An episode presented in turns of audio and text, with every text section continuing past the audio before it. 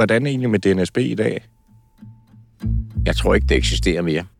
Kan du ikke prøve at spørge ham der, der overtog efter Johnny? Kan du prøve at spørge ham? Har du, har du hans øh, adresse og nummer?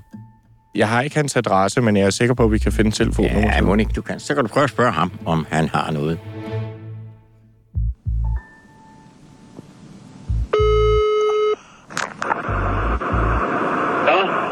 Ja, goddag. Er det Esben?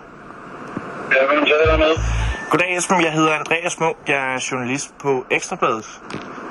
Det er Andreas.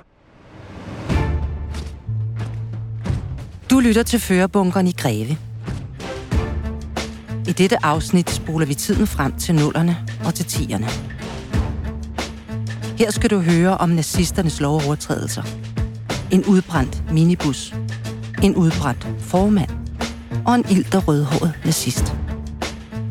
En kædereaktion af hændelser, der i sidste ende fører til splid i toppen af DNSB, og som sender førerbunkeren i Greve i grus. I hvert fald i overført betydning. Men betyder det også, at DNSB er dødt?